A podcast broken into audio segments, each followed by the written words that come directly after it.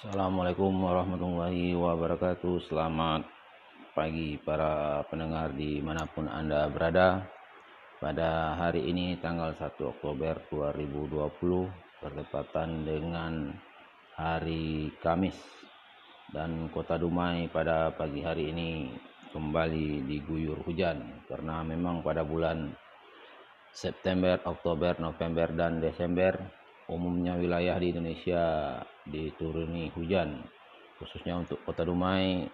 Dan beberapa hari ke belakang ini Dumai sering diguyur hujan. Mudah-mudahan dengan turunnya hujan memberi berkah kepada kita semua karena dengan turunnya hujan maka tumbuh-tumbuhan akan menjadi subur. Walaupun aktivitas atau intensitas daripada kegiatan warga agak terhenti sejenak itu hanya untuk beberapa saat beberapa saat saja dan mudah-mudahan akan cepat berakhir. Uh, pada pagi hari ini kita masih berada di episode sepak bola dan kita membicarakan tentang dua pemain yang sangat terkenal pada saat sekarang ini yaitu Lionel Messi dari Barcelona klubnya serta negaranya dari Argentina serta dengan Ronaldo, Cristiano Ronaldo yang berasal dari Portugal dan klubnya selalu berpindah-pindah. Uh, di sini banyak terjadi pertentangan ataupun salah paham, mungkin menjadi suatu tren pula pada zaman sekarang di media sosial terjadi antara kelompok pendukung Lionel Messi dan Cristiano Ronaldo uh, ada sal, sal, saling adu argumen tentang siapakah di antara kedua pemain ini yang menjadi yang terbaik. Kalau kita perhatikan, uh, sepak bola ini bukanlah olahraga individu. Sepak bola adalah olah, olahraga kolektif, olahraga bersama. Jadi tidak bisa kita membandingkan seseorang dengan seseorang lainnya karena mungkin aja si A lebih hebat daripada si B tetapi dia tidak berada dalam tim yang begitu kuat. Jadi dia tidak bisa meraih prestasi yang begitu membanggakan. Nah, kalau kita lihat antara kedua pemain ini uh, misalnya si Lionel Messi. Lionel Messi adalah pemain dari Argentina. Jadi, kalau kita lihat Argentina ini dia mempunyai tradisi sepak bola yang kuat dari 1930 Argentina itu sudah masuk ke grand final Piala Dunia. Sementara uh, Portugal baru bisa mencapai semifinal di Piala Dunia 1966. Setelah itu Portugal tidak pernah lagi berprestasi yang begitu mengembirakan. Sementara Argentina sudah meraih juara dunia pada tahun 1978 dan 1986. Walaupun Messi eh, dia tidak bisa mengantar Argentina menjadi juara dunia pada kejuaraan dunia kemarin pada 2014, tetapi Argentina dia mempunyai banyak pemain yang berkualitas sehingga dia bisa mencapai final. Sementara uh, Portugal walaupun Cristiano Ronaldo mempunyai skill yang begitu uh, hebat atau mumpuni tetapi tidak memiliki tradisi sepak bola yang kuat maka dia tidak bisa berprestasi di tingkat dunia walaupun pernah membawa Eropa kesebelasan Portugal menjadi juara Eropa untuk pertama kali jadi di sini harus kita perhatikan olahraga sepak bola adalah olahraga kolektif atau olahraga bersama. Jadi kehebatan individu hanya bisa untuk menambah kekuatan tim untuk membantu kesebelasan atau tim meraih kemenangan. Jadi di sisi lain walaupun dia tidak begitu kuat tetapi mempunyai tim yang kuat, kerjasama yang bagus, serta kekompakan, uh, semangat yang juang yang lebih termotivasi dengan kehebatan pelatih, maka dia bisa meraih kemenangan. Kita lihat misalnya ada juga pemain seperti Gerard Bell. Gerard Bell secara individu itu memang pemain yang boleh dikatakan sangat kuat, sangat kokoh dengan kecepatan, tendangan dan kemampuan dia untuk bekerja sama. Tetapi Gareth Bale berada di negara Wales. Negara Wales ini tidak begitu kuat tradisi sepak bolanya, jadi dia tidak bisa meraih prestasi yang sangat e, menggembirakan. Jadi kekuatan sepak bola sebenarnya bukan pada kekuatan individu. Yang lebih dominan itu adalah kekuatan kolektif atau kekuatan bersama. Bagaimana di antara satu pemain dengan pemain yang lainnya bisa bekerja sama sehingga meraih kemenangan.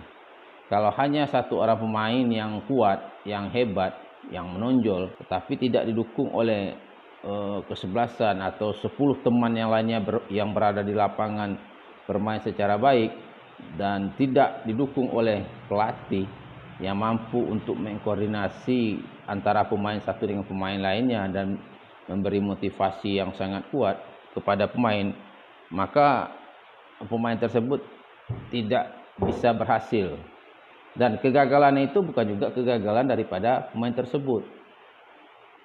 Jadi kalau tingkat negara itu dia harus dilihat juga eh, tradisi sepak bola negara tersebut.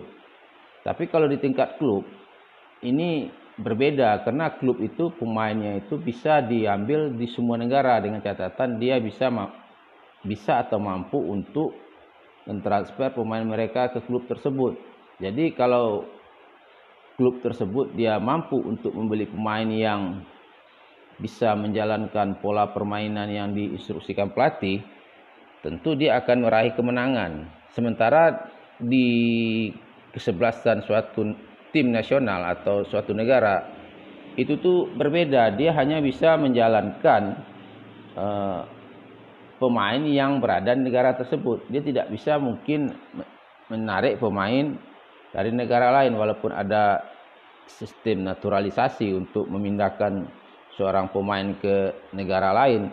Tetapi tidak semuanya itu bisa berjalan dan tidak semua pemain mau pindah ke negara lain.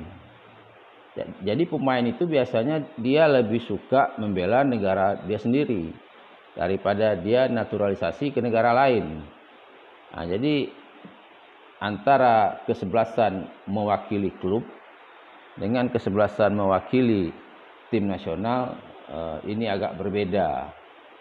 Jadi kita tidak bisa membanding-bandingkan prestasi seorang pemain yang berada di klub dengan prestasi pemain yang berada di suatu negara. Kalau kita lihat Cristiano Ronaldo, dia selalu bermain di klub yang boleh dikatakan eh, klub-klub uh, elit dunia, bermain di Manchester United, bermain di Real Madrid, sekarang dia bermain di Juventus. Kalau kita lihat eh, klub yang dia bela itu adalah klub-klub yang merajai sepak bola Eropa, mereka yang sudah pernah menjadi juara champion dan memiliki tradisi sepak bola yang kuat dan memiliki banyak pemain-pemain lain yang boleh dikatakan berkualitas sehingga dia bisa meraih prestasi di klub. Tetapi seandainya di Portugal dia tidak bisa seperti di klub. Karena apa? Portugal pemainnya terbatas begitu. Kalau Lionel Messi dia bermain di Barcelona. Barcelona ini mempunyai tradisi yang kuat juga dari zaman dulu Barcelona ini sudah menjadi saingannya si Real Madrid. Selain dari itu Lionel Messi di Real Madrid itu dia sudah bermain dari usia remaja sekali karena Lionel Messi adalah pemain yang dilahirkan oleh uh, klub eh, sekolah sepak bola Barcelona sendiri. Jadi Lionel Messi dengan Barcelona itu sudah begitu padu dia bermain di Barcelona jadi tidak sulit untuk membuat uh, kesebelasan yang solid. Kalau di Argentina Lionel Messi dia mempunyai Eh, teman-teman atau kawan-kawan yang satu tim atau satu kesebelasan itu mempunyai klub-klub yang kuat juga. Jadi Lionel Messi berada di iklim di sepak bola yang lebih menguntungkan daripada Cristiano Ronaldo. Jadi di sini kita harus uh, bisa mencermati bahwa sepak bola sekali lagi bukanlah permainan individu, adalah permainan kolektif. Jadi kemenangan individu tidak tidak bisa untuk mempengaruhi kemenangan kolektif. Misalnya pemain itu dia mendapat top score, mendapat Ballon of the Year, tidak bisa menjamin untuk